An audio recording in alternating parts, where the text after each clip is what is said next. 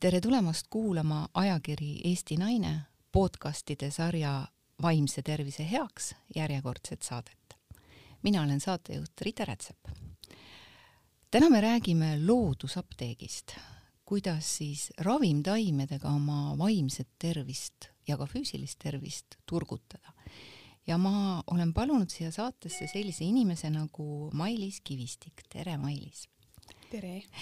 sina oled öelnud, et äh, loodus varustab inimesi eluks kõige vajalikuga. sina oled loodusterapeut, kes on õppinud metsamoori käe all. just. kes on loodusterapeut ja mida see tähendab, et loodus varustab meid kõige vajalikuga? seda on alati raske paari sõnaga öelda. ära ütle paari sõnaga, seleta meie kuulajatele lahti. mis see on? seletan lähme ajas tagasi, umbes sada aastat tagasi iga eestlane teadis enam-vähem, ütleme kümmet taime, kahtekümmet taime, millega ravida ennast, oma lähedasi. arstiabi ei olnud väga levinud ka. tänapäevaks on see teadmine kuidagi jäänud unustuste hõlma. ja ma usun, et väga paljud on kuulnud, et eestlasi peetakse nagunii nõiarahvaks miks me siis ei võta seda võimalust ja tutvu nende taimedega ja vaata, mis päriselt teha saab sest äh, meil on igasuguste murede jaoks leevendused tegelikult loodusest olemas, kui ainult natukene endale selgemaks teha, kuidas taimed töötavad aga lihtsam on ju minna arsti juurde või minna apteeki ja, ja võtta sealt üks purk ja loota, et see väike valge terakene või tabletikene meid siis aitab. aga muidu me peame ju minema kuskil midagi korjama, midagi kuivatama, siis me peame veel ise teadma, mida võtta, et see on ju natuke keeruline. see on keeruline. me oleme võõrandunud me oleme võõrandunud, aga siin tulebki loodusterapeut appi, ta on täpselt samamoodi terapeut nagu joogaterapeut või toitumisterapeut. sa tuled ta vastuvõtule, kõigepealt kaardistatakse ära pikk anamnees, millised on su harjumused, mida sa sööd, kuidas sa liigud, kõik, kõik, kõik, kellega sa isegi suhtled, kuidas su emotsioonid mõjutavad sind. Ja siis selle lõpuks alles hakkame vaatama, miks sul see peavalu näiteks on või kust sul see kõrge vererõhk tuleb. et see ei ole selline kiire protsess, nagu sa ütlesid, et võtan tableti ja saan lahenduse, siis sa hakkad katsetama, sest ravimtaimed on ju tegelikult äh, sarnaste omadustega. Ja siinkohal tuleb veel mängu see, et kuidas minu energia sobib selle taime energiaga. mu lemmiknäide on näiteks peavalud ja angervaks. Angervaks on ju looduslik aspiriin ja tihti see on üks esimesi, mida ma pakun inimesele. aga talle võib-olla üldse ei sobi, sest äh, angervaks on ka naiste taim ja temas on natuke seda teistsugust sellist naiselikku energiat, aga võib-olla sobib hoopis äh, puju, eks. või võib-olla sobib pajukoor, et need taimed on äh, erinevad, aga sarnaste omadustega ja sellepärast läheb aega võib-olla kõige lihtsam näidis, miks võtta taim versus tablett, on see, et taim on nagu sõiduõpetaja sa võtad ta endale sisse mingi perioodi vältel, ta õpetab su organismi uuesti töötama. samal ajal, kui sa võtad selle tableti, siis sa istud nagu taksosse ja sa jääd sellest taksoga nii-öelda sõitmisest sõltuvusse ja sa enam ise ei oskagi sõita et võib-olla see võtab kõige paremini kokku, kuidas taimed meie sees toimivad. see on väga hea näide, aga arvestades seda, et maailm meie ümber on läinud nii palju kiiremaks, tahame me ka kiireid lahendusi saada. ja samas on öeldud, äh, mitte et äh, teeks nüüd siin tablette kuidagi maha mm, -hmm. kindlasti mingites olukordades on nad väga-väga vajalikud, aga et me ei võtaks neid liiga kiiresti ja, ja liiga läbimõtlematult, et võib-olla me saame natukene pehmemalt ja natukene teistsugust ja võib-olla ka püsivamat äh, efekti hoopis loodusest. ja, ja, ja, ja selle kohta näiteks tablettide kohta on ju öeldud, et, et arst ravib äh, selliste rohtudega inimest, keda ta ei tunne ja haigust, äh, mida ta ei tea. Mm. -hmm. et, et siis ma saan aru, et loodusterapeut tegelikult ikkagi väga põhjalikult kaardistab, mitte ma ütleks, et arstid ei kaardista, eks, aga, aga see põhjalikkus on täiesti üllatav, ma ei teadnud, et see nii põhjalik on. See on põhjalik jaa, aga see on ka see pool, et inimene peab ise valmis olema, et kui ta tõesti on kärsitu, siis kiired tulemused ei tule ma ei taha kuidagi negatiivselt mõjuda, aga loodus on ka valik, eks, et kas ma võtan omale, teen selle näiteks raudrohutee, kui ma olen külmetunud, või ma võtan endale selle terafluu sisse, onju. et kas ma tahan seda, et mu immuunsüsteem tegeleks, äh, võtaks need sissetungijad maha ise või ma võtan väljaspoolt midagi sisse, sest mul on näiteks vaja mingit lõputööd kirjutada või mingit tööprojekti lõpetada, eks et tegelikult ma usun, et äh, kõik, kes siin kuulavad, juba teavad ka, et kust need haigused meile tulevad. tulevad, eks ole, stressist, väsimusest. esimene asi, kui sul on halb olla, mine magama, une sees kõik toimub, eks, su keha tegeleb. kuula keha, kuula keha. just, kuula keha. jaa, aga meil on vaja hommikul ju tööle minna ja see terafluu aitab ju. jah, aitab jah, aga kui kauaks ja mida ta sealt ära ka võtab, eks, et ta lööb ikkagi tasakaalu sassi, et kõige olulisem on iseenesest ikkagi jälle tasakaal inimese sees. Ja äh, taimed, mis looduses või üldse siin maa peal äh, kasvavad, üldiselt tegelikult ka maakera üldse ilma taimedeta on ju mõeldamatu. Mm. -hmm. ja kui nad juba siin kasvavad, siis me eksisteerime paralleelselt taimedega. Ja siin Eestimaal õnneks on meil veel puhast õhku ja väga palju ravimtaimi on nii? täiesti nõus ja.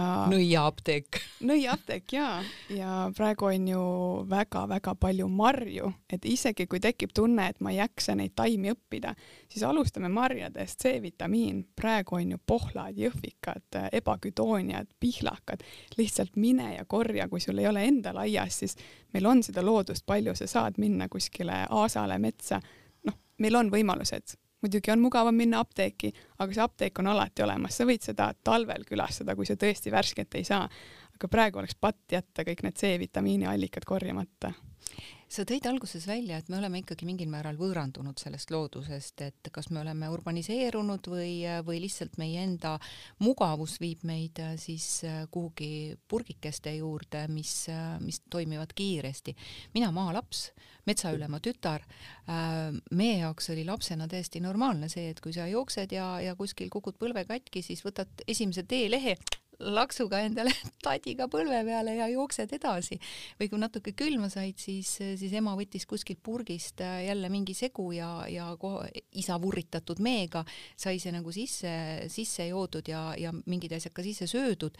et, et see oli normaalsus, et me tõesti hakkame sellest võõranduma ja, ja minu mõte oli tegelikult sind siia kutsuda selles mõttes, et, et inimestele natukenegi tuua tagasi seesama teadmine, et väga paljud kasutavad seda ja, ja kui kasutavad, on väga tore, aga võib-olla oleks veel rohkem vaja äh, minna sinna looduse juurde ehk nende juurte juurde tagasi. Ja, ja tõepoolest äh, loodus on tulvil kõikvõimalikke taimi, ka seeni tänasel päeval mm, -hmm. eks, et ka need on ju meie tervisevaraait ja, ja nad aitavad meil terved olla, aitavad hoolitseda, et me, me säilitaksime selle tervise, me tugevdaksime oma immuunsüsteemi just nimelt loomulikul ja looduslikul viisil, mis on püsivam. ja ähm, ma küsiksin sinu käest näiteks äh, sellist asja praegu, et, äh, et see meie ümber olev keskkond äh, räägib väga palju immuunsusest ja, ja just sellest looduslikust ja loomulikust immuunsusest, mida siis me võiksime ise turgutada, ise säilitada. mida sina tooksid välja, mida täna inimene võiks ise teha, et oma immuunsust tugevdada? Lisaks nendele marjakestele, mis sa ka välja tõid, sest praegu on õige aeg hakata C-vitamiini tarbima, mitte kevadel, mhm. kevadel võib ka, aga just praegu. mida sa veel välja tooksid, et mida me saaksime ise teha, et turgutada ja hoida tugevana oma immuunsüsteemi? no number üks kindlasti, mis võiks kodus olla, on nurmenukk mida võib-olla paljud ei tea, aga võib-olla paljud teavad, siis nurmenukk on üks väheseid taimi, mis hoiab ennast seda C-vitamiini ükskõik mis kujul ehk kui sul ta on kodus olemas, eriti veel tema lehed, siis tegelikult on sul juba hästi. me korjame tavaliselt õisi, sa ütled ka lehed? ka lehed jaa. ja lehed just veel ennem, kui õied äh, tekivad. Need kõige siis... esimesed värsked lehed äh, tuleb just. ju kevadel nagu amps ära süüa, aga kas neid võib ka kuivatada? Neid võib ka kuivatada okay.. ja kes on smuutisõbrad, siis näiteks väga hea spinati aseaine on ju, et sul ei ole vaja välismaalt, sa võid täitsa oma kodust seda saada, eks ja, ja samamoodi vaadates loodust, siis igal aastal tegelikult loodus annab meile mingid sõnumid.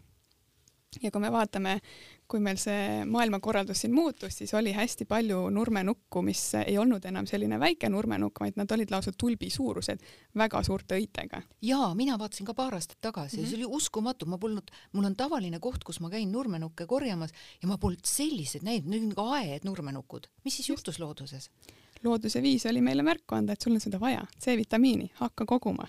kes oli tark, korjas, kes võib-olla ei olnud nii tark, ei korjanud, aga võib-olla nüüd edaspidi käid rohkem silmad lahti ja vaatad, mis loodus näitab. ja kui me vaatame seda aastat, siis äh, hästi palju oli ju naiste puna ja mõnes kohas ta tuleb isegi teisele ringile oma õitsemisega, sest meil on nii hea soojus praegu. Ja mida siis naistepuna näitab, ilmselt inimesed on natuke juba väsinud sellest, küll on lahti kõik, küll on kinni kõik, eks. sul ongi ärevust, sul ongi stressi, sul on lausa depressiooni, siis naistepuna on ju tegelikult looduslik antidepressant ja kui on taimi, mida ei ole uuritud, väga palju on neid, mida ei ole uuritud, aga naistepuna on üks neist, mida on päriselt uuritud ja ka farmaatsiatööstuse poolt on see kinnitus saanud. ta leevendab reaalselt kuni keskmise tasemega depressiooni. Kui me nüüd lähme tagasi selle arstid ja tableti teema juurde, siis see on minu jaoks üks kõige suurem ahaa-hetk, kui sul on selline tunne, et sul on masendus ja sa lähed sinna arsti juurde, sa saad kohe endale tugevad rohud peale, antidepressandid, eks.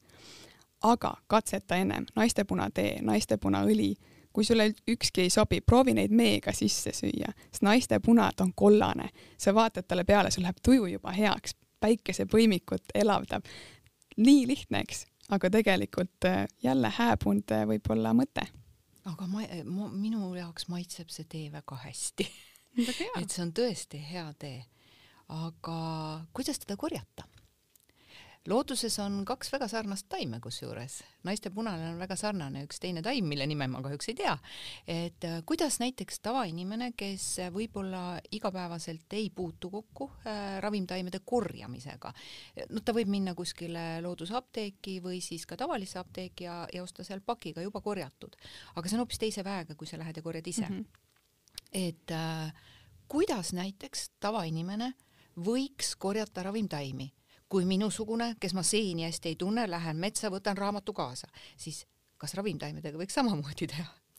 kindlasti võib, aga raamat on juba natukene eh, raskem variant, tänapäeval on väga lihtsaks tehnoloogia teinud elu.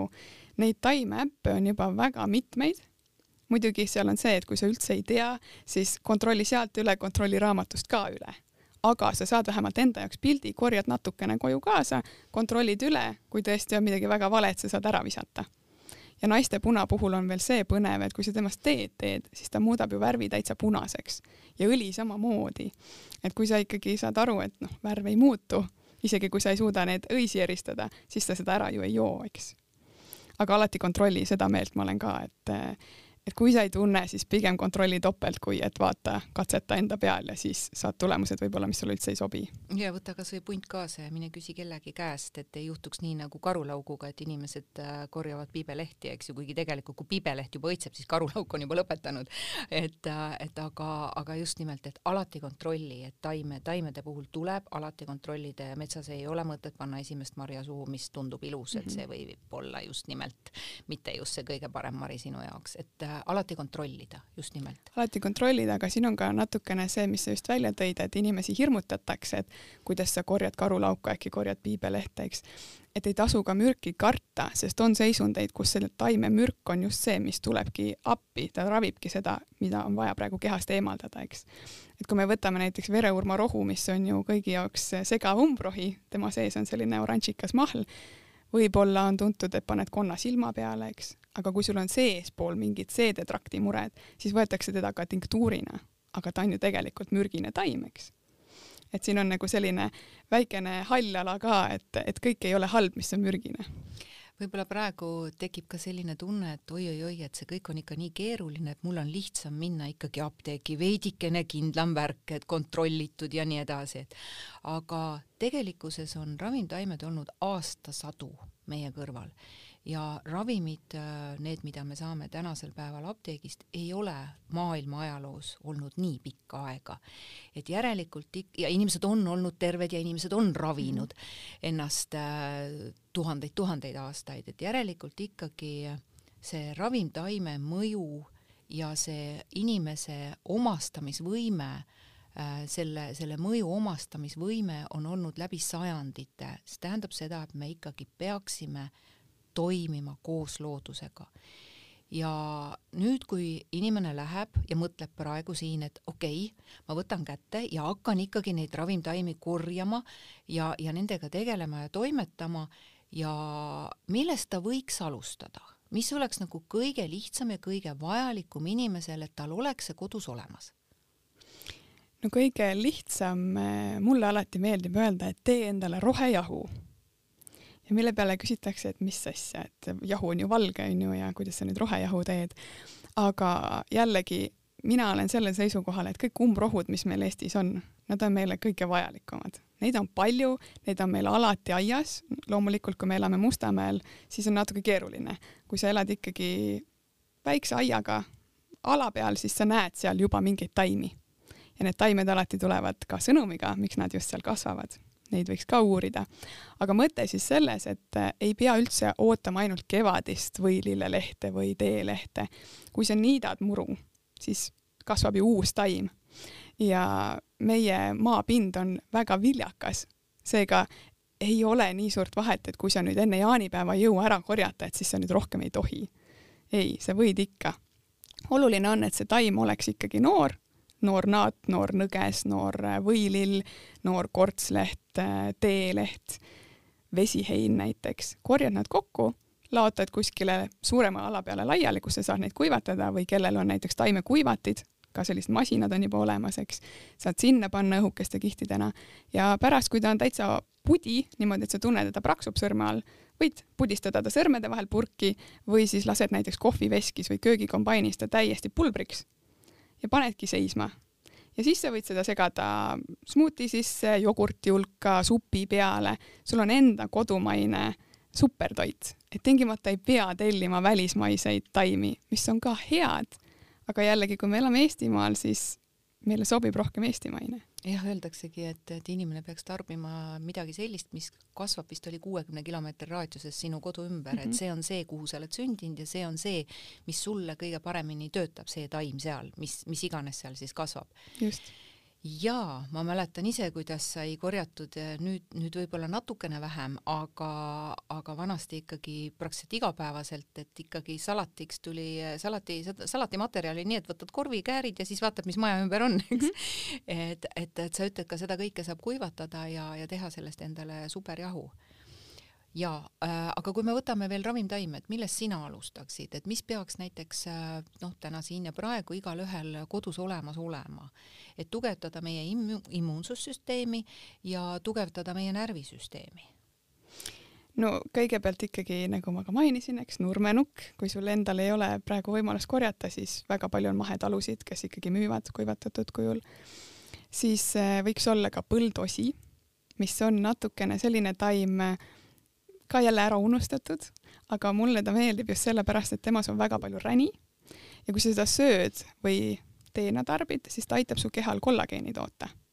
et jällegi naised, kuulake täpselt, et hästi palju reklaamitakse väljaspoolt, et osta siit pulbrit või siit kapsleid, aga tegelikult meie keha oskab ju ise ka toota, toetame seda ka juba jälle loodusega, eks. et äh, ma täpselt ei ole kursis, mis nendes pulbrites täpselt on, aga meil on lihtsamaid variante muidugi siin tuleb jälle mõelda, et kui sa kasutad ravimtaime, siis ikkagi kuurina, et sa ei hakka nüüd igapäevaselt põldosja sööma, sest ta ka viib vedelikku kehast välja, eks. kui on näiteks tursed, eh, lümf seisab, jalad paistes, käed paistes, siis eh, jällegi on palju erinevaid taimi, mis aitavad, aga mina olen näinud oma praktikas, et põldosjast paremat ei ole. väga kiiresti ta viib selle vedeliku välja paneb liikuma. ja see on paljudel, väga paljudel teema, näiteks raseduse ajal, kas sa soovitad põldossja ka näiteks last ootavatele emadele?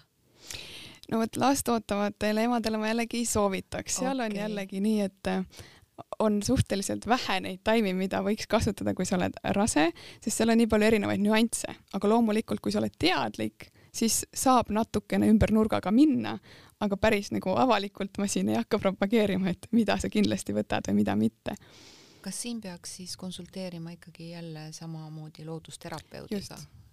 et pigem ikkagi konsulteerida ja kui on ka mingisugused ravimid peal, et kui sul ongi juba näiteks, kui me võtame jälle naiste puna, sul on depressandid peal või mingid unerohud, siis kindlasti konsulteeri ennem, kui sa kasutad taime, sest seda ei ole uuritud, kuidas taimed nüüd tablettidega mõjuvad mm. -hmm aga näiteks üks äh, selline teadaolev ja mida ka väga palju räägitakse, on ingver mm. -hmm. kuidas sina sellesse suhtud, et see on kohati nagu maaniaks läinud no ta on jällegi Hiina meditsiinist tuleb, eks, ingver ja kurkum on peaaegu samaväärsed juba ja, ja ma täiesti usun, et nad ongi võimekad, aga siinkohal jälle võiks mõelda Eesti juurtele, eks. et kui palju me üldse oma taimejuuri kasutame, need on ju ka väega ja praegu tuleb sügis, sügis on parim aeg, kus juuri üldse välja kaevata, sellepärast et seal on kõige suurem vägi. kui juba on kevade poole ja sul on juba õied peal, siis loomulikult sa korjad õisi, sest siis kogu energia on seal, eks. aga näiteks kohvijoojatele mina olen soovitanud tihti, et vaheta see kohvi välja võilille juure vastu see võib-olla tundub alguses naljakas. see on nii maitsev, ma tean. on jaa, mul isa tegi võilillest kõike, ta tegi mett, ta tegi veini, ta purustas neid juuri kohvi hulka, sellel ajal, noh, vanasti oli kohvi hoopis teistmoodi, aga tema tegi just võilile kohvi, issand kui hea see oli. No vot ja, ja kes veel elab kuskil, kus on oma aed, siis teab kindlasti, et no võilill on igal pool ja ta ainult laieneb, et sul on terve põld põhimõtteliselt tasuta käes, lihtsalt kaeva välja, lõika tükkideks, eks puhasta ära, rosti ära ja siis jälle kohvimasinast äh, purusta ära või köögikombainis ja sa saad omale kohvi see on üks äh, õudne mässamine, et äh, see, kes seda nagu teeb, see juba teeb, kellel tekkis huvi äh,, jumal tänatud, väga-väga põnev tegelikult sellega toimetada ja neid purke seal vaadata riiuli peal ja, ja neid ka kasutada, nende sisu kasutada on igavesti põnev mässamine, aga väga paljud äh,, paljusid inimesi igapäevases elus see kiirus tagant ju äh, utsitab, et, et, et ei ole aega selliste asjade jaoks. et äh, kust kust kohast saaks näiteks selline kiirustav inimene endale just nimelt seda võib-olla seda, seda juurt või seda õit või seda vart, mis oleks juba kellegi poolt ära korjatud? kui, kui guugeldada, panna mahetalu, siis tuleb nimekiri aga tegelikult on ju ka juba apteekides, on ju Kubja ürditalu ja siis on seal veel mõned väiksemad, kes päriselt juba saavadki apteegis oma õisi müüa. juurt ilmselt on seal vähem, sest juure järgi küsitakse vähem, inimesed kuidagi ei ole harjunud teda kasutama. aga, aga võib-olla siinkohal jälle mõte järgmiseks aastaks, eks, nüüd on juba nagu on, on näiteks varemerohi. ja varemerohi on kõige parem igasugustele, kui sul on äh, lihasevigastused, sul on luumurrud, ta taastab isegi luukudet. ehk siis ta on nii võimas taim ja just tema juur. lehed ka, lehed võtavad hästi põlvede valusid ja kõike muud maha, aga kui sul on see juur kodus ja sa võtad, teed temast veel tinktuuri, tinktuur kõlab nagu midagi keerulist, tegelikult ta ei ole, sa võtad selle, kaevad selle juure üles, pesed puhtaks, lõikad natukene väiksemaks, paned purki ja paned alkoholi peale siis äh, kõige lihtsam on kätte saada viina neljakümne kraadist, see täiesti sobib. paned ta kuskile pimedasse seisma, seal purgi sees loksutad iga päev kuskil kolm nädalat, kurnad ära, sul on juba olemas. see taimevägi on seal alkoholi sees ja ta säilib sul ka mitte paar kuud, vaid ikkagi aastaid. ja, ja kui sa ei taha mingit taime korjata või, või kasvatada, siis varemerohi mina ikkagi soovitan, et võiks olla. töötab väga hästi no täpselt, väga hea. aga, aga kui me võtame nüüd just, just selle, et me elame siin looduse keskel äh,, linnas me võib-olla seda nii palju ei näe, maainimene, kui keegi meid maal kuulab äh, ja, ja mõtleb, et mis need, mis need naised nüüd seal kahekesi arutavad, et see on minu igapäevane elu mm, -hmm. et ma, ma tõusen hommikul üles, ma vaatan, mis mul sellel ajal õitseb, siis see on see, mida ma tegelikult sellel ajal ka looduselt vajan. ehk ma olen loodusega tasakaalus. see linnakeskkonnas võib-olla me seda nii palju, tähendab mitte võib-olla, vaid kindlasti me seda ei märka äh,, aga, aga me võiksime seda teada ikkagi. ja, ja kui me nüüd alustame näiteks kevadel, et esimesed, esimesed taimekesed, mis tulevad, annavad meile märku, mida meil on vaja. kas või seesama karulauk, ta kasvab mingisuguse teatud aja, meil on seda laksu vaja. ja nüüd võib juhtuda ka see, et, et võib tekkida ületarbimine, et inimesed äh, säilitavad, hoiavad, võtavad seal mingisugune kuu aega, söövad karulauku ja siis on kõik seedimine sassis, eks. et iga ravimtaimega on oluline, et mitte üle tarbida, et tal on teatud aeg. kas see aeg on see õitsemise aeg või, või kuida-, kui, kui kaua, kuidas määrata nagu ära see, et, et see võis olla praegu väga rumal küsimus, aga, aga et, et kuidas ära määrata, kui kaua ma mingit ravimtaime tohin tarvitada, et ei ole tõesti nii, nagu sa kollageeni puhul siin välja tõid, eks ju, et et, et, et kogu aeg seda sisse ei võtaks, vaid mingi perioodi, sest et kui ma seda liiga palju tarvitan, siis ta hakkab teisipidi tööle mm. -hmm. rumalaid küsimusi kunagi ei ole, see ongi see, et inimesed ei julge enam küsida, alati küsi, siis tuleb mingi vastus ka ja, ja kindlasti loodus annab meile märku ja täpselt samamoodi, nagu ma ka siin juurte puhul rääkisin, et kevadel ennem kui ta üldse sealt äh, lume alt välja tuleb, sa võid juba juuri korjata. juured tähendab seda, et ta kogu vägi on juures. kui nüüd on kevad, siis tulevad lehed. niikaua, kuni õisi veel ei ole, siis korja ainult lehti ja varsi. siis, kui tulevad õied, siis korja ainult õisi ja kui tulevad marjad, siis korja ainult marju loodus näitab meile ette, kuidas käituda. just. ja pärast ta läheb samapidi tagasi ehk äh, marjad kukuvad ju ära, see leheosa ladestub ka ära ja siis sul jäävad juured alles ehk sügisel sa saad veel juuri korjata. selline ringlus, aga nüüd see ei tähenda seda, et äh, ma korjan äh, terve suve näiteks, joongi iga päev kasvõi raudrohuteed onju või naistepunateed. raudrohu puhul veri võib minna paksuks, eks et siin on äh, jällegi seesama reegel, et pigem tarvita ravimtaimi kaks-kolm nädalat, siis tee paus. kui pikk? ta võiks olla peaaegu kuu või ka selline kolm nädalat.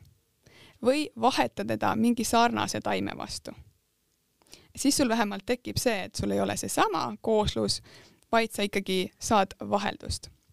ja, ja kindlasti ei pea kogu aeg ravimtaimi kasutama, pigem ikkagi sa toetad oma immuunsust, siis teed pausi, siis toetad jälle. et natukene on hästi läinud jälle no see trend mängu, et et sööme kogu aeg supertoitusid toidu sisse ja siis te teeme näiteks musta pässikut kogu aeg ja ja tegelikkus on ju see, et sa ei saa, sest kui sa kogu aeg oma organismi hoiad nii-öelda alarmi all, et puhasta, tegutse, ole, siis kui sa need asjad ära võtad, siis ta enam ei saa hakkama ehk ravimtaimede tark kasutamine on ikkagi see, et sa toetad, näiteks siin sügis hakkab, teed ühe kuuri, kasvõi põldosjaga või, või rohejahuga või mis sa parasjagu valid, kasvõi nõgest näiteks, nõges on äh, ka üks super asi, mida inimesed võiks rohkem kasutada. sealt saad ju kaltsiumi, eks, kes üldse piimatooteid ei tarbi, aga jälle teeb vere paksuks, nii et tuleb olla ettevaatlik. ja, ja siis äh, peadki tegema pause et sa suudaksid ise oma kehale öelda, et nüüd ta on saanud selle boost'i, nüüd ta peab ise hakkama saama. et ei ole nii, et sa kogu aeg äh, septembrist detsembrini võtadki midagi kogu aeg lisaks. kuigi D-vitamiin jah, mis ei tule taimedest, seda peaks kindlasti lisaks võtma ja seda isegi mõni räägib, et suvel peaks lisaks võtma, sest Eestis lihtsalt ei ole seda nii palju, onju. et on mõned erandid, aga taimede puhul pigem olla ettevaatlik ja, ja kuulata ka oma keha sellepärast et üks asi on see, mis näiteks mina ütlen või keegi teine ütleb, aga su oma keha ütleb sulle kohe, kas mulle see sobib, äkki mul hakkab hoopis pea valutama, tuleb mingi imelik äh, madal rõhk. kõik ju tegelikult taimed annavad sulle sõnumid kätte, kui sa jälle oskad kuulata, eks, kui sa siin kiiruses tormad, viskad midagi omale organismi selleks, et keegi kuskil ütles, sellest on natuke kasu, aga mitte väga palju et loogika on siis nagu see, kui ma nüüd õigesti aru sain, et ma teen äh, minu jaoks mingisuguse kuuri äh,, ükskõik, naistepuna, noh, mina armastan seguteesid tegelikult mm, -hmm. ma teen hästi palju nagu miksin kokku, aga mõte selles, et äh, ma teen mingi kuuri äh,, siis ma lõpetan selle ära ja lasen kehal harjuda mm. -hmm. ehk see taim on, äh, teeb oma tööd paneb mul midagi sees käima, mis iganes ta siis kas rahustab, ergutab, on seal mingi põletikuprotsess, mis iganes, ja, ja siis õpib keha ise neid asju tootma, ise toime tulema, ehk ma ei jää lootma ainult mingi taime peale mm. -hmm samamoodi on ju tabletiga tegelikkuses, et ma ei saa jääda ainult lootma tema peale, et ma võtan võib-olla selle peavalu tableti ära, mul läheb see peavalu ära, aga ma pean tegelema ju selle põhjusega või, või siis ka taimede puhul samamoodi, et ma lasen tal toimida enda sees, aga ma pean ka emotsionaalselt midagi sinna juurde tegema, et aru saada, mis asi see on. et inimene on ikkagi holistiline tervik, et see ravimtaim aitab mul aru saada või minu kehal aru saada, mis on mul tasakaalust väljas. Täiesti nõus. Ja siia võib kohe näiteks tuua sellesama angervaksa, mis energeetiliselt ju aitab avada meie intuitsiooni ja mina olen küll viimasel ajal hästi palju kuulnud, et kõigile meeldib angervaks see lõhn, see maitse ja loomulikult ta ongi see on väga suvelõhn ju. täpselt, aga samal ajal ta toimibki nii, et aitab sul ennast rohkem usaldada. Vau, väga põnev, mul on kaks kotti angervakse, ma hakkan sellega toimetama. Väga hea, aga, aga nüüd äh, meil jäi korraks nagu pooleli see, et, et mis siis seal kodus peaks veel olema, äh, milliseid taimi võiks nagu nii-öelda esmaabikapis inimesel veel olla, et äh, üks on see immuunsuse tugevdamine ja, ja, ja närvisüsteemi tugevdamine ja meil on ka väga oluline uni, see on meil vist kõige-kõige aluseks, et et inimestel tihti on ka uneprobleemid, et mis on see looduslik rahustik, ka see võiks meil kodus olla, mida sina pakud? jaa, mina olen nüüd teinud, mulle meeldib enda peal katsetada, mul ei ole kunagi olnud unega probleeme, aga sel aastal ma mõtlesin, et ma siis katsetan ära, mida see humal täpselt teeb. ja humalat praegu on väga õige aeg korjata. ja noh, see nii-öelda laks, mis sealt tuleb, see tuleb nagu väsimusämbriga sulle kaela siis sa kukudki magama. Ja see on nii naljakas, et korraks nagu hakkad ise ka mõtlema, et no mis ta siis teha saab. ja üldse ei pea palju panema, eks paned selline mõned need humalakäbid, mul on veel selline poolvärske taim ka ja, ja väga kiiresti mõjub, et kui tõesti on unega probleeme, siis jälgida veel seda, et sa enne magama minekut seda jood, mitte nii, et sa jood ära ja siis lähed veel arvutisse mingit emaili kirjutama või midagi lugema, siis ta haihtub nii-öelda ära. See on selline pooletunnine päris tugev mõju, et kui sa selle ajaga lähed voodisse, sul tuleb uni ka väga ruttu. et humal kindlasti võiks olla. samamoodi kummel. kummel on nüüd selline iga kodu hoidja, et isegi lastele sobib, et temas nagu midagi keemiliselt halba ei ole kunagi. Et kummel võiks olla kindlasti kodus. sobib kompressideks kõigeks, et Just. see on, see on üsna, seda vist teatakse ikkagi mm -hmm. päris palju, et ta on väga levinud, et õnneks. ja, aga kummeleid on ka mitut sorti onju, et kui suvel sõitsin ka mööda Eestimaad, siis olid, vaatad, oi kummelipõld, siis saad aru, ei, see on see vale kummel. juba oli lootus, et oh, leidsid mingi laeka, aga ei siis mis kind... on õige kummel, ma küsin kohe vahele, et, et praegu tekkis küsimus, et mis... teekummel, ta on selline väikese õiega. aga mis on vale kummel? vale kummel on selline neitsi kummel, mis, tal on hästi kõrge keskosa ja ta on nagu sellise hästi lopsaka õiega. et kui sa need kõrvuti paned, sa saad aru, et eh, ütleme, õige kummel on umbes väikse sõrme suuruse õiega, aga see vale kummel, tema on juba nagu nimetissõrme suurus, et ta on selline hästi suur ja nagu, nagu nurmenukk oli tulbi suurune, eks pluss siis see keskosa on selline torbiku moodi. kas me ajasime nüüd kuulaja natuke segadusse? ei, ma loodan, et mitte. et kus siis saab õiget kummelit, see vale kummel ei tööta, jah?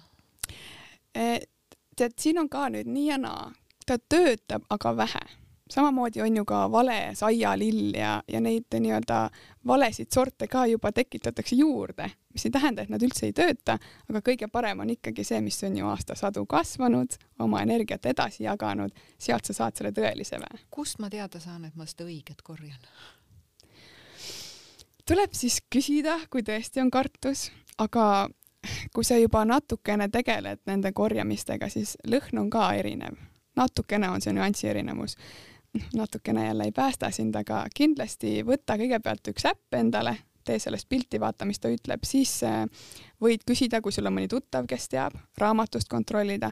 Ja tegelikult on ju ka Facebookis on täitsa rahvaravigrupid, praegu peast ei mäleta, mis nende nimed on, aga sinna ka ma olen näinud, inimesed postitavad, et kes siis teab, palun ütle ja kui sul tuleb ka väga erinevaid variante, noh, siis sa saad jälle kas raamatust kontrollida, sa saad nagu topeltkontrolli teha, aga sa saad kiiremini tulemused et ilmselt selle raamatuga on natukene keeruline üksi minna, et kui sa ei tea isegi, mis taim on, siis sul läheb ju seal tunde, et leida kõigepealt pildi pealt üles ja võib-olla sul ei olegi seda selles raamatus, eks.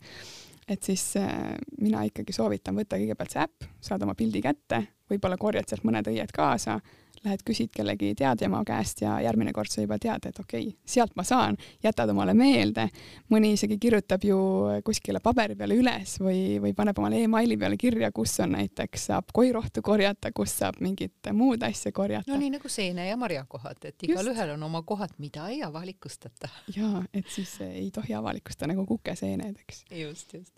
et tegelikkuses äh, me ei hirmuta mitte kedagi praegu ära, absoluutselt alati on võimalik uurida, küsida, kuskohast, milliseid taimi, kuidas korjata ja nii edasi, et me, meil eksimisvõimalus on sisuliselt olematu. just, ja tegelikult saab ju ka panna kas aknalaua peale mõned väiksed topsid kasvama või kui sul on aed, siis külvata endale aeda. istikuid ju tegelikult saab samamoodi nendest mahetaludest. Et panedki omale aeda, siis sa tead, et siin sul on, sest tegelikult ju ka karulauk kasvab paljudel aias, sest ta on ju looduskaitse all, eks, ja kui sa tahad seal mingit äh, pestot teha, mida pärast edasi müüa, siis tegelikult sa ei tohiks seda teha, kui sa metsast korjad, onju, et sa võid ainult metsast enda jaoks korjata. et sellised väiksed nüansid, et kui sul on aeda, siis pane pane sinna kummelid, pane sinna saialille, mm, sellised nagu põhiasjad. raudrohi kasvab nagunii, raudrohtu ma ka alati soovitan, kuigi jälle on natuke ära hirmutatud, et teeb vere paksuks. noh, ega ta ei tee sul kohe verd paksuks, sa saad ikkagi paar tassi juua, isegi paar päeva on okei okay.. jälgid enesetunnet, eks. salvei samamoodi. no salve on tõesti nii tugev, et teda ma ei soovitaks üle viie päeva tarbida on isegi selliseid lugusid, kes on tarvitanud seitse päeva, et, et rinnapiim näiteks, kui ta toidab rinnaga, et läheb täitsa kinni ära, et ta on nii tugev, aga samas jälle kurk, köha, kõik sellised külmetushaigused, väga super. ja, ja ka näiteks, kuna mina ise annan ka joogatunde, siis ruumi puhastajana on salvei väga-väga mõnus, et ei ole vaja jälle kuskilt väljamaalt mingit peenet puud endale tellida. okei okay,, aga nüüd äh, me saame aru, et me peaksime korjama ravimtaimi sellel ajal, kui ta õitseb, kasvab ja nii edasi, et mingisugune loogika on meil nüüd olemas. kuidas korjata, kuidas õigesti korjata? No peale vihma vist ei ole väga mõtet minna korjama. Kindlasti ei ole, et ikkagi selline keskpäevane aeg, kus õied on juba saanud mõnusalt virguda, oma hommikusirutused ära teha siis võiks sul olla ikkagi päike väljas, et ta päiksele ju ennast avab ja kindlasti ei tasuks minna lihtsalt sõrmedega neid katkuma.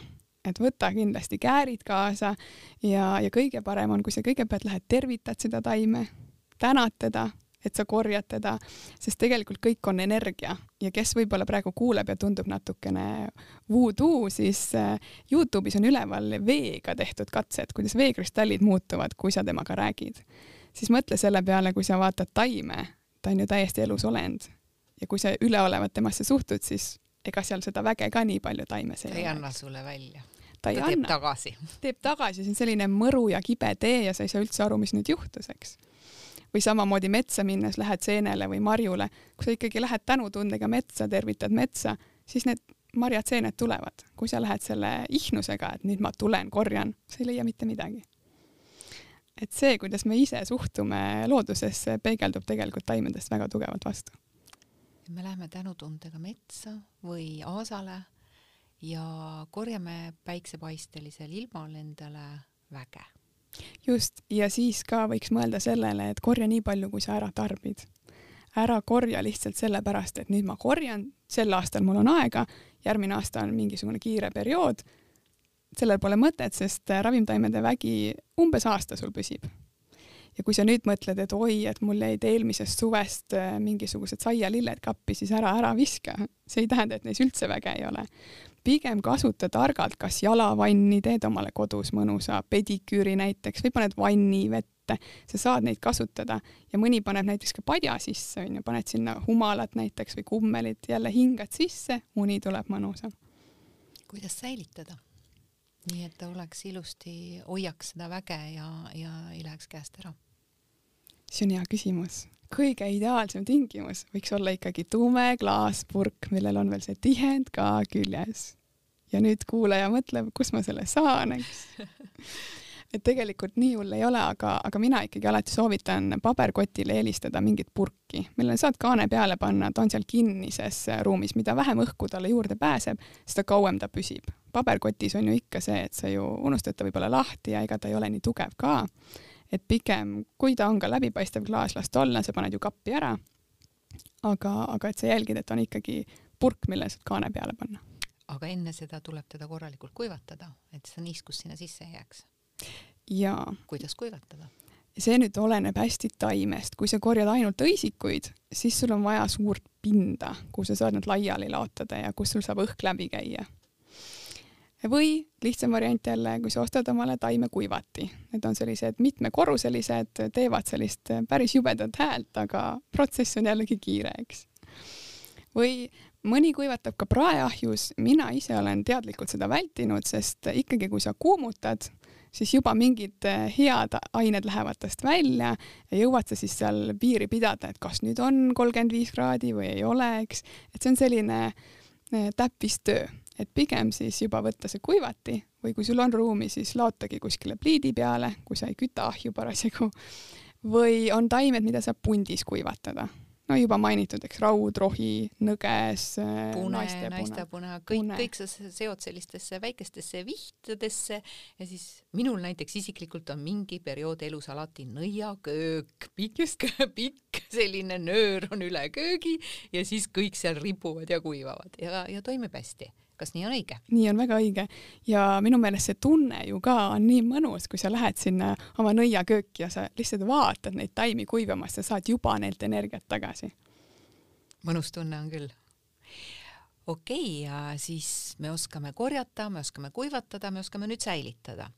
ja, ja ma natuke jälle hüppan sinna tagasi, et aga mida siis veel korjata, et, et kui me võtame, mis on väga oluline, on närvisüsteem meie jaoks igapäevaseks toimimiseks, et, et närvisüsteem oleks tasakaalus, et me hoolitseksime tema eest ja, ja loodus on andnud meile väga palju ergutavaid ja rahustavaid äh, mhm. taimi äh,, mis võiks olla näiteks igapäevaselt inimesel kodus, mida kasutada mitte ainult see une jaoks, vaid üldiselt rahustavaks, mida veel võiks olla äh,. ja mis võiks olla ka näiteks ergutav, et mitte võtta siis seda energiajooki ja see on väga-väga hea küsimus ja kindlasti läheb kõigil tarvis. no üks superrahusti on kindlasti meliss, sidrunmelissidee, kuigi nüüd on neid ka arendatud, on siin mingid maasikamelissid ja, ja neid sorte on palju. toime on neil nõrgem, aga toimib ikka. aga sidrunmeliss kindlasti ja siin võiks nüüd äh, oluline asi, mis meelde jätta, et melissi toime on kõige tugevam värskena me küll korjame ta ära, kuivatame ta ära ja ma olen tegelikult kuulnud ka mitut üllatust, et aga see maitse ei ole enam sama. ja ei olegi ja tema tegelikult kaotab kõige kiiremini oma omadused, peaaegu poole aasta pealt temas enam ei olegi raviomadusi. nii et üks väike melissipotikene võiks kodus olla. just. ja melissi puhul ka hea, mida ta ravib, herpest ravib väga hästi värske Aha, mahl huule peale. see oli nüüd viide minule siin, kellel on värskelt, värskelt saadud üks väike, väike tuulevillikene siin, et nüüd ma tean, võtan värske melissi ja mis ma temaga nüüd teen? sa üritad temast selle mahla kätte saada. just, pudistad mm -hmm. sõrme vahel või uhbriga ja paned selle mahla sinna peale. et ta ülikiiresti, kohe kui sa juba tunned, et ta tuleb, ta takistab seda edasiminekut ja taastab hästi kiiresti. ja tead, mis ma tegin? kui ma tundsin, et ta tuleb, ma läksin kodu lähedal olevasse apteeki, ja küsisin, mida siia peale määrida.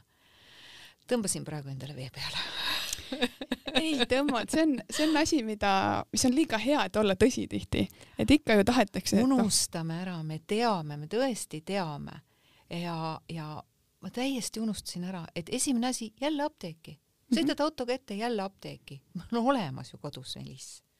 just.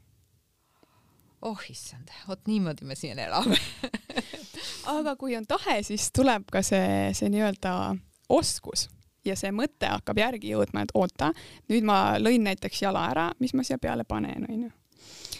tead, mis, ma arvan, et see on harjumus, see on lihtsalt harjumus, et, et me lähme ikkagi seda mugavamat teed pidi. et, et ma teadlikult ikkagi tegelen ka ju ravimtaimedega ja, ja mingisugusel noh, tava, tavatasandil, vanasti rohkem, nüüd vähem, aga ikkagi harjumus on see kiirus ja mugavus. et võib-olla see ongi praegu hea siin enda jaoks nagu minu näite puhul nagu teadvustada, et oota, tee stopp ja mõtle, mis on alternatiiv kindlasti, aga teine pool siin suur taga on ka turundus ja, ja mm -hmm. mis meile kogu aeg räägitakse, kasvõi neid samu huulherpese plaastreid ju tuleb söögi alla ja söögi peale, onju. ja loomulikult, kui sa seda kogu aeg näed, ega me ei vaata teadlikult neid reklaame, see on meie alateadvuses juba. siis sa lähedki, sest sul on kiire, sa ostad ja pärast mõtled, okei okay,, oleks võinud melissi kasutada, eks. et sidrunmeliss on üks rahustav, kummel on kindlasti rahustav. meil on ka balderian. Balderian ka Balderiani puhul nüüd äh, võiks vaadata seda, kes kui tundlik on, et mõnele ta mõjub võib-olla liiga rahustavalt mm, -hmm. aga siis alustadagi väiksematest kogustest, et üldiselt ikkagi kannu ähm, ütleme, see kann on võib-olla pool liitrit, eks sinna sa paned üks-kaks supilusikatäit oma pulbrit, millist sa siis valid, siis paned sinna vee peale. keeva vee? Ei, keevat vett ei pane, väga hea point just, sellepärast ma siia selle tõin. et lased tal ikkagi ära jahtuda, nii et on selline nelikümmend, nelikümmend viis, et, et kindlasti sa isegi ei pea seda vett keema ajama. kui sa vaatad näiteks pliidi peal keedad, et kui tal juba selline väikene mulin hakkab tulema või siis need väikesed mullid hakkavad pinnale tõusma, sa võid juba kinni keerata. ja siis lased tal selline paar minutit veel seista ja siis paned ta alles peale sest muidu jah, sa teed endale karuteene, et on küll nagu see melissi idee, aga kõik hea jälle kaob ära, eks. ja, ja samas nüüd, kui sa tahad, et ta oleks hästi rahustav, näiteks piparmünt on siin hea näide, onju, et siis jälgi ka, kui kaua sa lased tal tõmmata, et piparmünti kindlasti ei tasuks üle viie minuti hoida. sest muidu ta läheb ergutavaks. siis ta läheb ergutavaks, just aga jällegi, kui sa tahad mingit midagi ravida, näiteks tahadki omale tugevat äh, raudrohu tõmmist, siis sa jällegi lased hoida viisteist, kakskümmend minutit, eks. aga ergutuse puhul jah, piparmint on võib-olla see kõige rohkem levinud taim, aga ikka imestatakse, et mis asja, tegin omale unetee, aga üldse magama ei jäänud, eks. tulebki vaadata seda kella hoolega, isegi alla viie minuti võid lasta tõmmata, et ta saaks selle väikse äh, kiki sellest taimest, aga mitte rohkem, sest muidu tõesti ongi seal poole ööni oled üleval. aga mis veel võiks olla ergutid? et meil on aeg-ajalt vaja ka natuke boost ida ennast. ja, ja kõige parem erguti on siin Ivan Chai ehk siis põdrakanep. aga siin ka nüüd ajame natuke segadusse. paljud inimesed arvavad, et kui nad korjavad põdrakanepi õisi, siis neil on Ivan Chai. tegelikult nii ei ole, põdrakanepi õied on ka väga maitsvad, aga Ivan Chai'd tehakse eraldi meetodil lehtedest ja just veel nendest pealmistest lehtedest, mis on nii-öelda nooremad. ja seal on eraldi protsess, kuidas sa pead selle raku katki tegema ja siis alles kuivatama, et tekiks ka selline väike fermenteerimise protsess. see on päris keeruline, et lihtsam on tegelikult seda vist küll pakiga osta. seda on lihtsam osta jah. aga samas selle tulemus on väga kiire et kui me rääkisime, et taimed on hästi aeglaselt tegutsevad, siis mõned taimed on kiired ja kui sa jood selle tassi ära, ega sul seda kohvi enam vaja ei ole pluss sa ei erguta oma neerupealseid nii tugevalt, et sul oleks stressiseisund, sest taim seda ei tee, kofeiin aga teeb. nii et äh, võib-olla, kui sa tänasest midagi kaasa võtad, siis äkki katsetad Ivan Chaid äh, mõne hommikukohvi asemel. ja väga hästi toimib. tõesti toimib. Äh, mis võiks veel olla? rosmariin?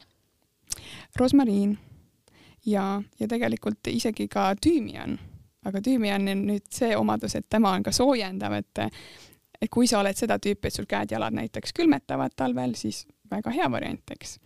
aga jällegi, kui sa tunned, et, et sul hakkab liiga palav, siis, siis pigem ära kasuta teda, onju. et tüümiani puhul ta on ka väga hea näiteks äh, hingamisteede haiguste puhul, onju.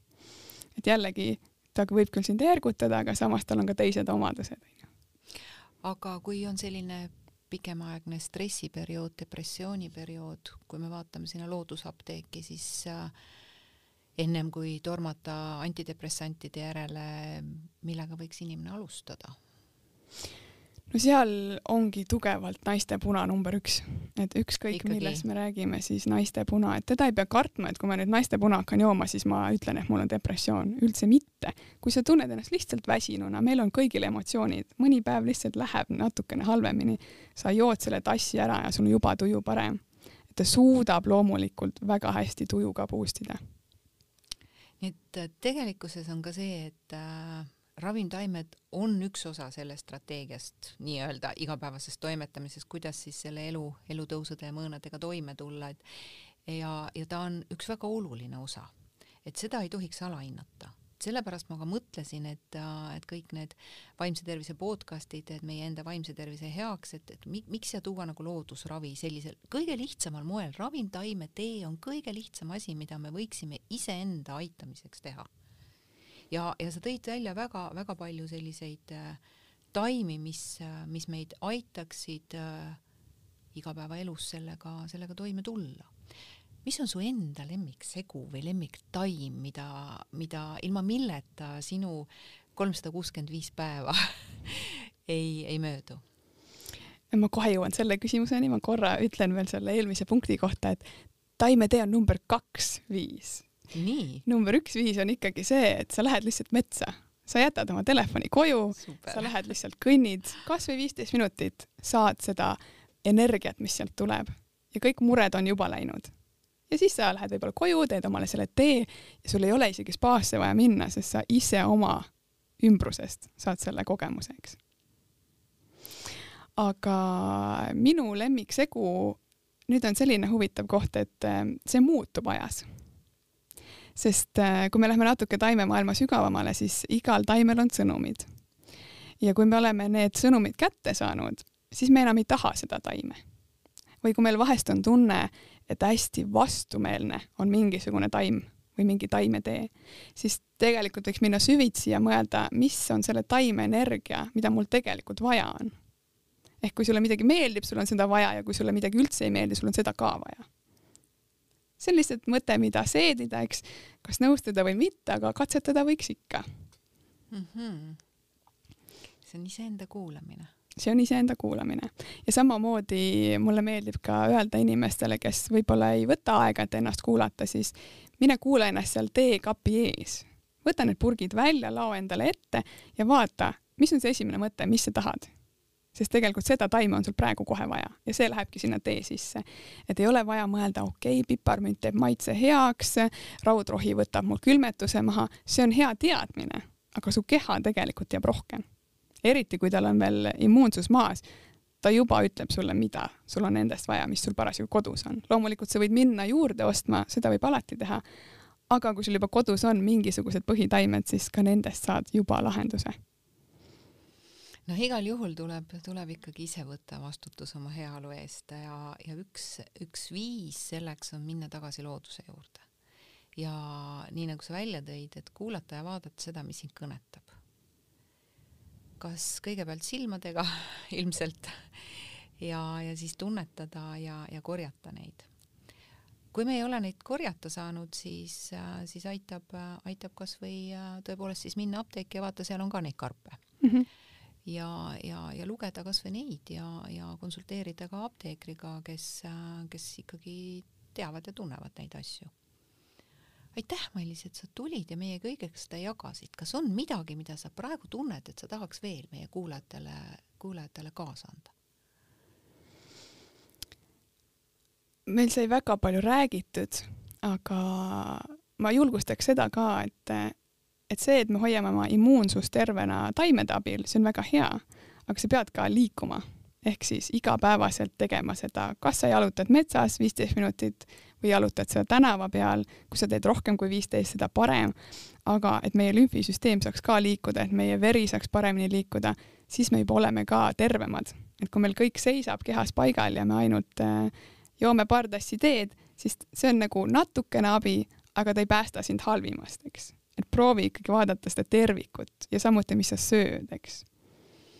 Okei okay,, me saame olla kehaliselt, psüühiliselt, energeetiliselt kas tasakaalus või tasakaalust väljas mm., aga see sõltub äh, meist endist, aga selle kõige alus on liikumine enda sees mõtteenergia liikumine, füüsilisel tasandil liikumine, kuigi füüsilisel tasandil liikumine paneb liikuma ka mõtteenergia, aga oluline on siis liikumine ja, ja, ja veel toredam, et peale liikumist lähed koju, teed endale mõnusa tassi teed ja me oleme kõik vaimselt ja füüsiliselt palju-palju tervemad ja rohkem tasakaalus.